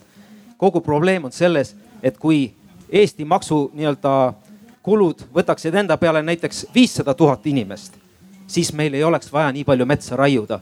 kui meil ei asuks kahe tuhande kuueteistkümnendal aastal asus Eestis õppima bio ja, äh, bio ja kuidas on keskkonnateadusi üle viiesaja tudengi, kellele on vaja iga aasta kulutada kolm tuhat nelisada eurot ülikoolis iga näo peale, igal aastal. kui neid selliseid mõttetuid kulutusi ei tehtaks siis ei oleks vaja nii palju metsa raiuda ja põlevkivi kaevatada. nüüd ma vastan üsna teravalt, et äh, meie ametist lahkunud kantsler äh, üheksateistkümnenda juuli kahes intervjuus vihjas ka, et tegelikult ei ole võimalik äh, ministeeriumil debateerida lihtsalt sellepärast, et metsamehed on hea haridusega, aga kõik ülejäänud, sealhulgas bioloogid, on kehva haridusega. vaadake, sellistes oludes ei ole võimalik üldse arutelu pidada, ka minul. nii et ei maksa rääkida seda, et bioloogide peale raisatud raha, et see võiks minna kusagile mujale mina arvan, et kahekümne esimene sajand saab väga suurel määral olema ökoloogia sajand ja saab olema samaaegselt ka infotehnoloogia sajand ja, ja see väljakutse saab olema, kuidas need kaks asja kokku pannakse. aga, ja metsaressurss ka puiduna kahtlemata jääb, selles ei ole ju küsimus. küsimus on, kuidasmoodi seda kõige arukamalt kasutada niimoodi, et tuleviku võimalused säiliksid tõenäoliselt üsna turbulentsetes oludes. ja ma teen lihtsalt teile väikese mõtteeksperimendi. et kui me Eestit vaatame äh, Lääne-Euroopa, ütleme, ütleme arenenud Euroopa riikide kontekstis, siis torkab üks asi silma, meil on väga madal asustustihedus. tõsi, Põhjamaades on veel madalam, aga seal on need äh, tundraalad, äh, noh, mis, mis inimeste eluks ei ole nii soodsad. nüüd on minu küsimus, et kas me selle hõreda inimasustusega ei saaks äkki teha ka mingisugust majanduslikku otsust, mingit niisugust asja, kus me paneme selle iseenda jaoks tööle et mis te arvate näiteks, kas võiks juhtuda, et, et tänu elukeskkonnale, mis üha enam ja üha enam saab äh, defitsiidiks äh, isegi Lõuna-Euroopas, rääkimata Kagu-Aasiast või mingitest niisugustest kohtadest, tuleks väga meelsasti siia firmasid, loov, igasuguseid arendajaid, igasuguseid inimesi, kes peavad oma peakortereid Eestis. miks see võimalik ei võiks olla, siin on hea elukeskkond. mis me selleks teinud oleme? mitte midagi. me räägime sellest, et me hoopistükkis viime oma metsa, eks ole, siit, siit ära. tähendab, me, võib juhtuda, et me hävitame sellesama ressursi, mis meil siin parasjagu ripakil on juba pikemat aega. isegi mõtlemata selle peale, kas see võiks ka majandust teenida. ma jällegi ei väida, et kõik on nii lihtne, et tulevad kunstnikud ja siis Eesti riigile muudkui raha jookseb. ei, mitte seda, et niimoodi ei saa lihtsustada. aga lihtsalt, et meil on selle metsaga siiski veel võimalusi, mitte ainult tööstuslikud võimalused. Need teised on olemas. ja palun ma tahtsin küll vingelt targutada, aga enam ma ei taha, sellepärast et, et ma tahtsin ka sinna kultuuri juurde jälle välja jõuda. lõppude lõpuks tõesti, see on kultuuri või kultuurituse küsimus, kuhu me selle oma metsanduse arengukava lõpuks ankurdame, nagu on kultuuri või õigemini kultuurituse küsimus see, see, see, et riik ja, ja päris suur jõuk kõikvõimalikke tegelasi tõsimeeli tahab ehitada raudteed läbi kõige ja kõigi kodude ja metsade, maade ja soode ja samas teavad kõik väga hästi, et mitte keegi mitte kunagi seal mitte mingit kaupa ka vedama ei hakka ja mingid inimesed ka seal, eks ole, sõitma ei hakka, nii et see on, see on jumala eest tulime välja õigesse kohta lõpuks, see on kultuuri ja kultuurituse küsimus, et kuhu me, kuhu me, kuhu me siis ennast ankurdame lõpuks. Ja, ja, ja ka see metsanduse arengukava, kui me ta kokku ükskord seame, see siis ka näitab meil mingit hetke seisu just sellest aspektist, nii et jumala eest aitäh selle eest, et, et, et see, see küsimus tõusis nii. aga hoolimata kõigist neist teravatest repliikidest ja kõigest, ma ikkagi tahan öelda, et minu meelest, et võib-olla kõige olulisem asi, mis peaks juhtuma, on see, et, et me, me saavutaksime selle võime koos midagi luua ja, ja, ja midagi sellist ka, mis metsas välja paistab. selle tõttu mulle tundub, et jah, arengukava tegemine, Marku, on väga tore asi ja väga hea, kui me saame seal kokkuleppele, kuhu see areng võiks viia. aga see on alles pool teed. teine asi on, et see tuleks ära ka teha. ja et mulle lihtsalt tundub, et mõnikord paistab olevat nii neetult raske teha isegi pisikesi samme. ma ütlen, et isegi kasvõi see, et, et riigimetsa majandaja küsib vähemalt maja majaelanikult nõu, enne kui ta tema kõrvale raielangi teeb, et noh, et kui isegi nii lihtsaid asju me ei saa ära klaaritud, mis me siis nende suurtega veel peale hakkame? lihtsalt jah, kui mu nimi juba mainiti, et eh, kindlasti seal on ka edusammud ju olemas, et sa ei, selles mõttes eh, noh, RMK ju ka järjest eh, rohkem räägib kohaliku inimesega, et muidugi me õpime seda kõike. et see ongi ühiskonnas järjest liikunud seda teed, et, et me noh ei ole algselt võib-olla siis kohe nüüd alustanud seda debatti iga inimesega, et küllap see ongi see tee, mida tuleb nagu läbi käia, et et see on ka kindlasti raske ja, ja selleks on vaja siis suunata ja, ja ka head tahet omada, et ma ei tea ka, et noh, seal kindlasti ei tahaks ka ilmselt keegi seda nüüd, et, et me loomegi siis sellise süsteemi, kus lihtsalt minnakse metsa, riigimetsa lähedale elama ja siis loodetakse, et see nagu garantii kõigile kehtib alati, et et see mets seal säilib, aga, aga kindlasti diskussioon peab olema ja, ja, ja meil need planeeringud noh, mis viiksid meid siia, sinnani. kohalike planeeringute kaudu need arutelud ju täiesti toimivad ja, ja, ja need arutelud ja, ja otsused tulebki kohapeal teha ju sellistel juhtudel. pigem pidasin lühidalt lihtsalt seda silmas, et, et riigimets, mis ikkagi ju kuulub just nagu kõikidele hea küll, eraomand on eraldi lugu, aga, aga riigimets võiks ju näidata ikkagi eeskuju, et kui meil on selline terav metsadebatt, siis riigimetsa majandaja peaks olema minu meelest see vedur, kes on ka selle metsadebati lahendamise üks kõige olulisemaid osapooli, kes näitab, et vot niimoodi õnnestub eks ole, need asjad maastikel ära lahendada. aga kui me korra vaatame sinna saja aasta taha, aastasse tuhat ükssada kaheksateist siis jah.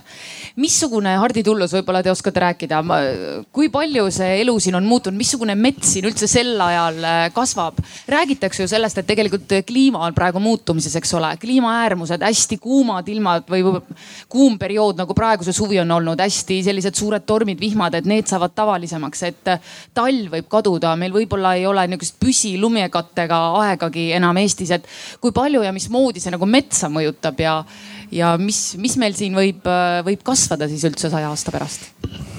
no kindlasti pole mõtet pessimist olla, isegi siis, kui läheb halvasti, tuleb ikkagi optimist olla. ja, ja veel mis kord, mis ma algul tahtsin öelda, et metsade käekäik sõltub kogu inimkonna käekäigust. ka siin Eestis me oleme jah globaalselt seotud, me sõltume sellest, kas järjest rohkem tiksub see number suuremaks, kes on näljas ja see mõjutab meie, meie metsade olemit ja meie põllumajanduse mahtu palju rohkem. Nüüd, mis kliimasse puutub ja me oleme neid analüüse teinud selle mõju, võimalike muutuste mõju metsale, siis puuliikidest kõige kindlam puuliik on mänd, kes suudab nii siis hästi elada, kui, kui läheb niiskemaks suudab siis hästi elada, kui läheb kuivemaks, kannatab suurt külma ja, ja põuda ka. Ja kõige keerulisem on kuusega, kes on kõige, kõige tundlikum. Ja ilmselt hakkab ka lehtpuudel hästi minema. aga ikkagi see metsa olem, metsast rõõmu tundmine ja seenelkäik sõltub sellest, kas meil on kõht täis, tuba soe ja katus pea kohal. Ja, ja kuidas inimkond suudab seda ressursikasutust reguleerida ja kindlasti muutuvad väärtushinnangud, me ei oska neid ette näha. me teame täna ja näeme, mille üle on debatt ja mul on hea meel, et valdavas osas on see soliidne. võib-olla mitte sada protsenti, aga, aga lihtsalt ühiskond hakkab konsensust otsima ja, ja eks muidugi meedia on ka alati vastandamist võimendanud, sest vastandamist on lihtsam müüa aga üks näide siin äh, Askole vastates, ma kindlasti loodan ka, et naabritelt küsitakse nõu, mida teha aga ka siin väärtushinnangud muutuvad. kui me vaatame vanu talukaarte, siis taluhoonete, talukeskuse ümber olid põllud ja mets oli kuskil kaugel. nii et eestlane ei ole seal metsa keskel väga neid oma hooneid rajanud. praegu jah, on mets kasvanud hoone või selle ahervaremete ümber ja, ja me vaatame seda asja jällegi teise pilguga. Eh, nii et eh, väärtushinnangute muutumist on, on väga raske ette ennustada ja, ja ka mis läheb odavamaks ja mis läheb kallimaks puhtalt majanduse mõttes. aga me oleme ilmselt õnnelikus tsoonis ka nende võimalike kliimamuutuste tõttu et eh, kuskil mujal prognoositavalt võib, võib kehvemini minna. nii et kui inimkond tervikuna saab hakkama, siis küllap saab ka Eesti mets ja mets on tegelikult, kuna ta nii pikaajaliselt kasvab, siis on ta ka, eh, suudab eh, reageerida või, või kohaneda nende noh, parajalt aeglaste muutustega. ta ei ela ühte tormi üle ja, ja võib-olla mingisuguse putuka või seenhaiguse sellist masshoogsat paljunemist. aga üldiselt, üldiselt mets saab saab pikaajalisena hakkama, aga me peame ühiskonnale ka seda, seda metsa pikka eluiga palju rohkem rääkima, nii et kindlasti tuleb metsamehena omaks võtta see kriitika, et me oleme ühiskonnale vähe selgitanud metsandust, metsade majandamist, seniseid tegusid. arutanud selle üle, et kuidas siis on võimalik, et need liigid ka kõik alles on, need kümme või kakskümmend tuhat, mida me saame praegu kaitsta. kuigi võib-olla lendoravat jah, võib-olla varsti ei ole nii et ka need jutud või ka see, et kui me täna näeme auto aknast, et või oma maja aknast, et üks metsaosa on ära raiutud eh, ja me pole rääkinud, et selle koha peal on ta korduvalt see mets puutunud, eh, puudunud, kas ta on olnud seal sajandeid põllumaana või on seal tehtud korduvalt sedasama lageraiet. ökosüsteemid on dünaamilised ka selle koha peal täpselt selles puistus, selles lageraielangis ja, ja vanatädile vanaemale tuleb ka rääkida, et kui sa sellest metsast nüüd mustikat ei saa, siis, siis vaata seal kuskil on see teine viiekümne aastane või, või vanem mets, kus see, kus see mustikas on. ja nii need väärtused ka liiguvad maastikul, mets justkui liigub, täna on siin üheaastane ja, ja homme on ta siin kümneaastane ja kuskil mujal on, on teises vanuses mets. seda, seda metsade olemust tuleb rääkida, selgitada. põllumehele me ei heida ette, et ta sügisel vilja ära koristab ja, ja kevadel künnab, kui, kui looke tahaks pesa teha, nii et on oma spetsiifika erinevatel maakasutustel. aga konsensust ühiskonnas võiks isegi kõige lihtsamates asjades olla. me pole sedagi kokku leppinud, palju me Eestis metsa üldse tahame me oskame kohe öelda, et metsa väheneb, suureneb palju vähe. aga milline proportsioon põllumajandusliku ja, ja metsa all oleva maakasutuse vahel, kui palju jätta linnadele, põllumees juba kaitseb lihtsalt oma mulda ja, ja ta ei räägigi, et sinna võiks mets tulla, nii et, nii et ka kõige lihtsamates asjades meil pole sellist alusühist kokkulepet, mille taustal me saaks öelda, kas, kas metsa on vähe või, või palju või, või raiume vähe või palju, nii et arutada on, on küllalt ja need on keerulised teemad ja ja loomulikult ongi eriarvamused, aga, aga valdav osa saab juba, saab juba sõbralikumalt kokku ja jutud räägitud, see on tänases debatis ka näha. aitäh.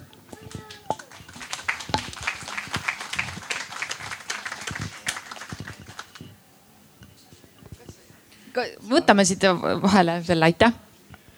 väga tore on siin vastandada ja, ja äh, mõelda variante niisuguseid ja naasuguseid, aga põhiprobleem metsas lahendub hoopis põdra poolt. põder otsustab, missugune puuliik jääb, missugune mitte.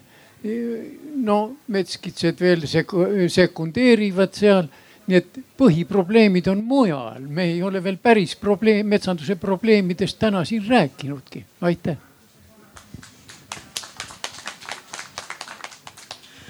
Aitäh, nii. no ma arvan, et eks see mingites piirides võib-olla tõesti nii ka on, aga, aga kui jälle tulevikku vaadata, siis mina arvan, et ikka Eesti metsade suurt tulevikku hakkavad kahekümne esimesel sajandil määrama poliitilised otsused ja väga suurel määral ei tehta neid otsuseid ilmselt mitte Eestis.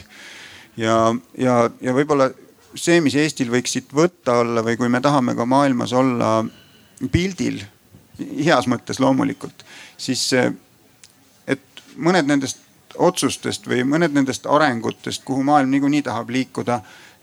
miks need ei võiks siis sündida Eesti eestvõttel see on võib-olla see minu niisugune, ma ei tea, kas just unistus, aga, aga see, see, see koht, kus mulle tundub, et meil on siin nii palju tarku inimesi, meil on parajalt paindlik äh, riigisüsteem, mis võimaldab otsuseid teha, mõnikord isegi järele proovida ilma eriliste katastroofideta. no näiteks, et kujundame oma riigimetsa majandamise keskuse korraks mingisuguste teiste funktsioonide peale, vaatame, mis siis saab. kas tõesti läheb asi nii halvaks, et ei ole võimalik lapsi lasteaeda panna, aga võib-olla hoopis tulevad meile eh, inimesed tahavad elada seal looduses, neil on võib-olla eriliselt palju lapsi, võib-olla õnnestub seda infrastruktuuri rajada kohapealsete rahadega, nõnda edasi. aga tead, mis selle probleem on? ma lugesin Maaülikooli loodusturismi magistrandi Triin no. Laane magistritööd tema, tema uuris siin, kuidas Y-generatsioon, missuguseid emotsioone tema kogeb looduses. ja need noored, see Y-generatsioon koguneb, kogeb looduses, tead, milliseid emotsioone? tean jah. hirmu ja õudu ehk et kes, kes on need inimesed, kes neid otsuseid hakkavad tegema ja sinna maale minema ja nagu, nagu päris, päriselt metsa eest. kuidas vanasti oli? vanasti olid vanaemad ja vanaisad ja isad ja emad ja noh, hea küll, nüüd võib-olla on need pered natuke teistpidi, aga, aga mulle tundub, et nüüd on õpetajad. nüüd seesama Y-generatsioon, kes pole seal metsas olnudki, ta on poolteist päeva seal ja tal hakkab jube hea. ma arvan, et see on väga lihtsasti lahendatav, see on seotud loodushariduse, looduse kogemisega ja muuhulgas ka just sellega, et aru saada, et mets kui loodus tervikuna, see ei ole mingi lihtne asi, see ei ole ei puit see ei ole ei mingisugused erinevad liigid, see ei ole ei kultuurilised väärtused, on kõik see kokku ja see kõik kokku on veel suurem kui see summa. nii et inimesed, kes viibivad minu meelest looduses palju ja puutuvad kokku nii hästi selle kasutamisega kui, kui selle tööstusega, nad saavad lihtsalt palju targemaks, nad on ka minu meelest palju paremad kodanikud, nii et vedage see Y-generatsioon metsa, me tuleme appi, õpetame ka natuke. trendid vist on ikka linnastumise poole, eks ole ju? ma mõtlen jah, et see saja aasta tagune olukord, eks, kus meil kakskümmend viis protsenti eestlastest oli linnas ja, ja täna on praktiliselt vastupidi, onju. et kakskümmend viis on sinna maale jäänud ja, ja kui seda linnastumis trendi nagu vaadata, mis maailmas toimub, siis noh, kuidagi ei ole nagu näha, et see teistpidi oleks. me täna veame ka bussidega kusjuures eh, inimesi ja noori eh, loodusesse ja kindlasti teeme seda, nagu rahastame seda edaspidi ka onju. ja, ja, ja teeme selliseid toredaid algatusi, aga et. Eh, just, aga siis juhtub see, mis seal Lõuna-Aafrikas juhtus, käis uudistest ka läbi, inimesed linnas ühtäkki avastavad, vett ei ole. jama, eks ole, vett ei ole nad ei tule sellegi peale, et see vesi kusagil tekib, kujuneb, eks ole, et sellel on mingisugune ammendumise määr. et ma arvan pigem, et see on selline lühiajaline protsess. Ja linnastumine tõenäoliselt jätkub, aga tarkus peab kaasa tulema, ilma tarkuseta ei saa linnas ka elada no igal juhul see on see kõige nagu eesmärk, et kui see noh, ka see looduskaitse nagu äh, mõte eh, noh inimeseni viia, oli ju see primaarne idee seal ikkagi alustada sellest, et inimestele seda teadmist viia, et kuidas need süsteemid toimivad, eks. eks see metsanduse puhul ei ole mitte kuidagi teistmoodi, et seesama siin vist ühe puu peal on ka see nali, seesama klassika, kuidas, et noh, piim ju tuleb poest, aga et kust see puit tuleb, et noh, kõik ju tahaks seda teada, aga vähesed teavad jah, aga mulle ikkagi tundub, et kõige olulisem murrang toimub inimesest selle koha peal, kus ta saab aru, et mets ja puit ei ole üks ja seesama. ja et mis see mets siis on sellest, mis puit on, sellest saavad paljud üsna hästi, ma arvan, aru ja on käega katsunud, aga metsa ei ole no siin ma ütlen, oponeerides nüüd natukene, siis tegelikult sa ise ju viisidki juttu sellele vetsupaberile ja puidule ja puidulistele saadustele, nii et kahjuks sa läksidki ise sealt metsast nagu tavaliselt ikka debattides minnakse metsast välja puitu otsima, eks ole. ja, ja, ja ka ütlesin, et ma tegin ja. seda provokatsioonilistel eesmärkidel, et vaadata, mis te selle peale teete ja, ja. No, ei, eriti midagi, eks, aga, aga üks uuring ütleb veel, eks, et neli protsenti Eesti inimestest ei ole üldse kunagi elus metsas käinud ja, ja loomulikult seda me püüame ka väärata ja Eesti Erametsaliidul näiteks oli sellel aastal väga tore projekt, pesakastide projekt, kus sai ikka tõesti väga-väga paljud lapsed said pesakasti ehitada ja neid ka siis metsa viia ja sealjuures ka siis natukene seda metsaõhku nuusutada. pooleteistkümneks päevaks me tõesti ühtegi klassi metsa ei julgenud viia tulid ikkagi pigem nihukese paari tunniga ikka enamasti said nad sealt metsast jälle tagasi. aga ma arvan, et abiks ikka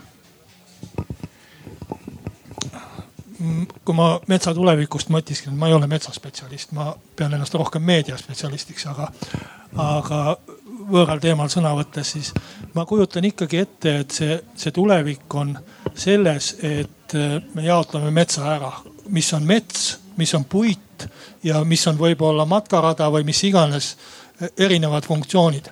Et niikaua, kui me tahame sellelt ühelt metsatükilt saada kõiki neid funktsioone et ta kasvataks hästi puitu, et me võtame sealt palju metsa maha ja samal ajal, et seal oleks mingisugune saja aasta vanuse metsa ökoloogiline koosseis ja ma ei tea, mis üraskid seal elaksid. et niikaua me kogu aeg oleme omavahel opositsioonis või, või ütleme, et keegi teeb midagi valesti metsatootjad või puidutootjad on rahulolematud, ökoloogid on rahulolematud, kes iganes. Et minu, minu ettekujutus võiks olla ikkagi seda, et me läheme seda teed, mida, mida natukene on hakatud minema, et meil on ühest küljest suurendatud looduskaitse või, või kaitsealuste metsade arvu. Äh, noh, kui võtta need piiranguga metsad ka, siis juba peaaegu et veerand, veerand on, on selle all. aga, aga kindlasti me ei pääse ka nii-öelda puupõldudest, kust me ootamegi suurt ja võimast puusaaki nii-öelda, et, et seda, mida siis võib-olla erametsaomanik tahab, et, et mingite metsade kohta võiksime ütelda, seda nüüd ei peaks tsiteerima kuskil, et tahame hoopis palju rohkem raiuda, et sealt tuleks rohkem puitu ja, ja saaksime rohkem kasu. ja mingite metsade kohta saaksime ütelda, et vot seal on ilus, seal me saame jalutada, siia me saame Jaapani turiste tuua või mis iganes. et, et ma arvan, et meil seda metsa on piisavalt palju, et hakata teda vaatama erineva funktsiooniga väga õige. Ja seda ma arvan, peaaegu kõik, kes teoreetiliselt sel teemal noh aru peavad, pooldavad sedasama mõtet. aga on ilmnenud, et seda on päriselus päris raske teostada. Ja seda isegi nii suurel asutusel nagu Riigimetsa Majandamise Keskus et kui sulle on ikkagi ette antud see tihumeetrite arv, mis tuleb metsast välja tuua, siis on sellele vastavad puistud kusagil maastikul, siis tuleb logistika, kuidasmoodi, millised teed sinna juurde lähevad, et seda optimeerida. et meie tudengitele käisid, käis Riigimetsa Majandamise asjakohane spetsialist näitamas ja me saime tõesti aru, et seal ei olegi ruumi planeerimise kohta praegusel hetkel on seda seal väga vähe. et põhimõtteliselt on mingid sundvalikud ja, ja mina tahaks tuua Eesti sellest sundvalikutest välja, et, et hakkaks mõtlema, kus on nagu mõistlik ühte või teist teha, aga selleks peavad eh, ikkagi minu meelest hetkel ennekõike tööstuse ootused natukene tagasi tõmbama. Hendrik Välja, nüüd on küll see koht, kus tuleks midagi öelda ja vot see on nüüd üks väga keeruline küsimus. loomulikult tööstuse ootused äh, lõppude lõpuks äh, iga ettevõte võitleb enda eest ja, ja igaühe ootused on äh, oluliselt väiksemad kui need, mis me, igaühe ootused eraldiseisvalt on oluliselt väiksemad kui need, mis me riigile seame.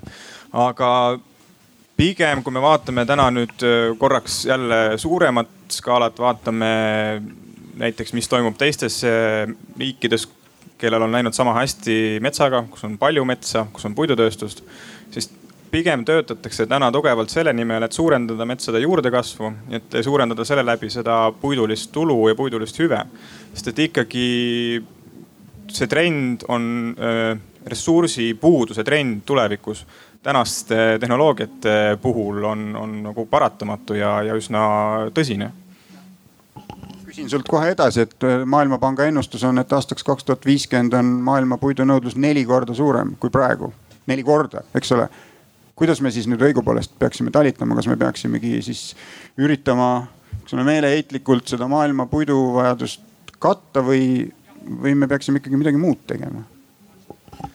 Ma arvan, et äh, me peame tegema väga palju ja väga erinevaid asju, aga äh, muuhulgas oma käitumist, tarbimist muutma, teisi tehnoloogilisi lahendusi ja nii edasi, aga ma olen täiesti veendunud, et äh, puidul on üks väga oluline roll selle tuleviku poleemika lahendamisel. kõike me ei suuda sellega lahendada kindlasti, aga kindlasti kui me tahame, et meie järeltulevatel põlvedel saja aasta pärast oleks, milline mets neil oleks, siis mina tahaksin, et neil oleks mets, mida oleks palju mis oleks terve ja kus oleks võimalik vajadusel võtta palju puidulist äh, väärtust välja. kui neil seda vaja ei ole, siis nad ei pea seda võtma, aga vähemalt on neil see võimalus olemas. Hardi Tullus, selline mets on võimalik Eestis?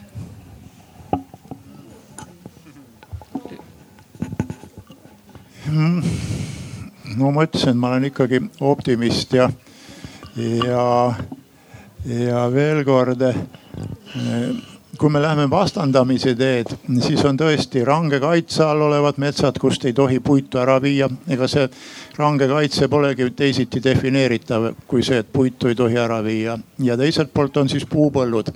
samas nad mõlemad võivad täita paljusid muid funktsioone üheaegselt. selge see, et mingi funktsioon on olulisem, mõõdame seda rahaliselt või emotsionaalselt või, või mis mõõdikutega tahes, nii et, nii et ma usun ikkagi, et, et need erinevad metsaväärtused ja hüved on ühildatavad samast puistust või samast metsapindala ühikult saadavana et me ei peaks nii palju vastandama. Aga kui vaadata tõesti, kuhu maailm praegu liigub, siis ta liigubki metsandus puupõldude suunas ja sellist plantatsioonilist metsandust on kuus-seitse protsenti maailma metsade pindalast, see sõltub ka definitsioonist. aga sealt tuleb juba pool, ligi pool tööstuslikult kasutatavast puist, puidust. nii et paraku me lähme kahes suunas, rangelt kaitsmine ja puidu kasvatamine. samas on meil piisavalt teadmisi, oskusi et neid erinevaid väärtusi puidust lendoravani on võimalik ühildada tunduvalt rohkem, kui me seda praegu ka oma otsustes ja regulatsiooniaktides teeme. nii et, nii et selline on, on minu usk. aitäh, meie, nii ja palun. et ähm, mina nimetaksin äh, seda ühiskonna ja üldse inimkonna kõige nagu suuremat probleemi et see on ikkagi eh, lühinägelikkus. et kui me targalt käituksime, siis, siis me peame mõtlema pikaajaliselt ette. ja, ja pikaajaline mõtteviis.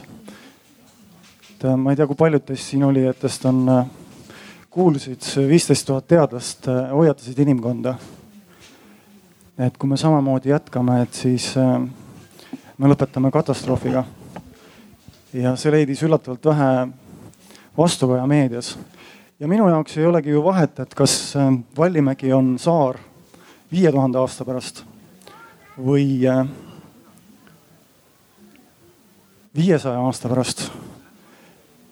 ja nii juhtub, kui äh, kliima soojenemise tagajärjel sulab kogu jää ja lumi ja liustikud.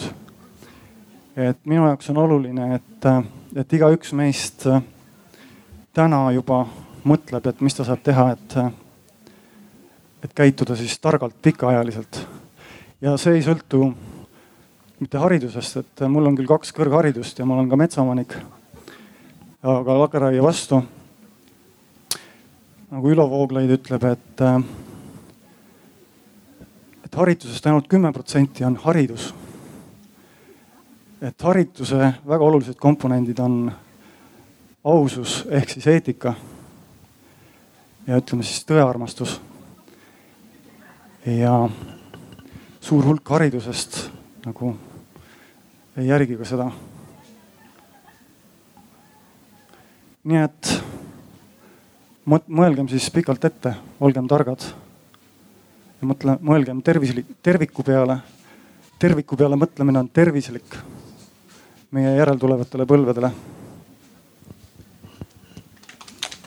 aitäh ma usun, et selle mõtte vastu, mis te ütlesite, ei ole kellelgi midagi ja me nõustume aitäh kõikidele, et te täna siin olite, et te arvamust avaldasite, et te olete kaasas ja mõtlete. mets on Eestis igaühe asi ja, ja hoiame seda ja ma saan aru, et need perspektiivid ehk ei olegi nii mustad. suur aitäh veel kord Kadri Liik, Marku Lamp, Kalle Muuli, Hardi Tullus, Hendrik Välja ja Asko Lõhmus ja aitäh teile, Arvamusfestival jätkub ja see debatt kahtlemata ka jätkub. Ja nagu Marko alguses ütles, siis kõigil teil on võimalus sellesse arengukavasse sõna kaasa öelda, mis keskkonnaministeerium praegu ette valmistab. Ja, ja meie kõigi teha on see, et tulevik oleks parem. aitäh veel kord, head Arvamusfestivali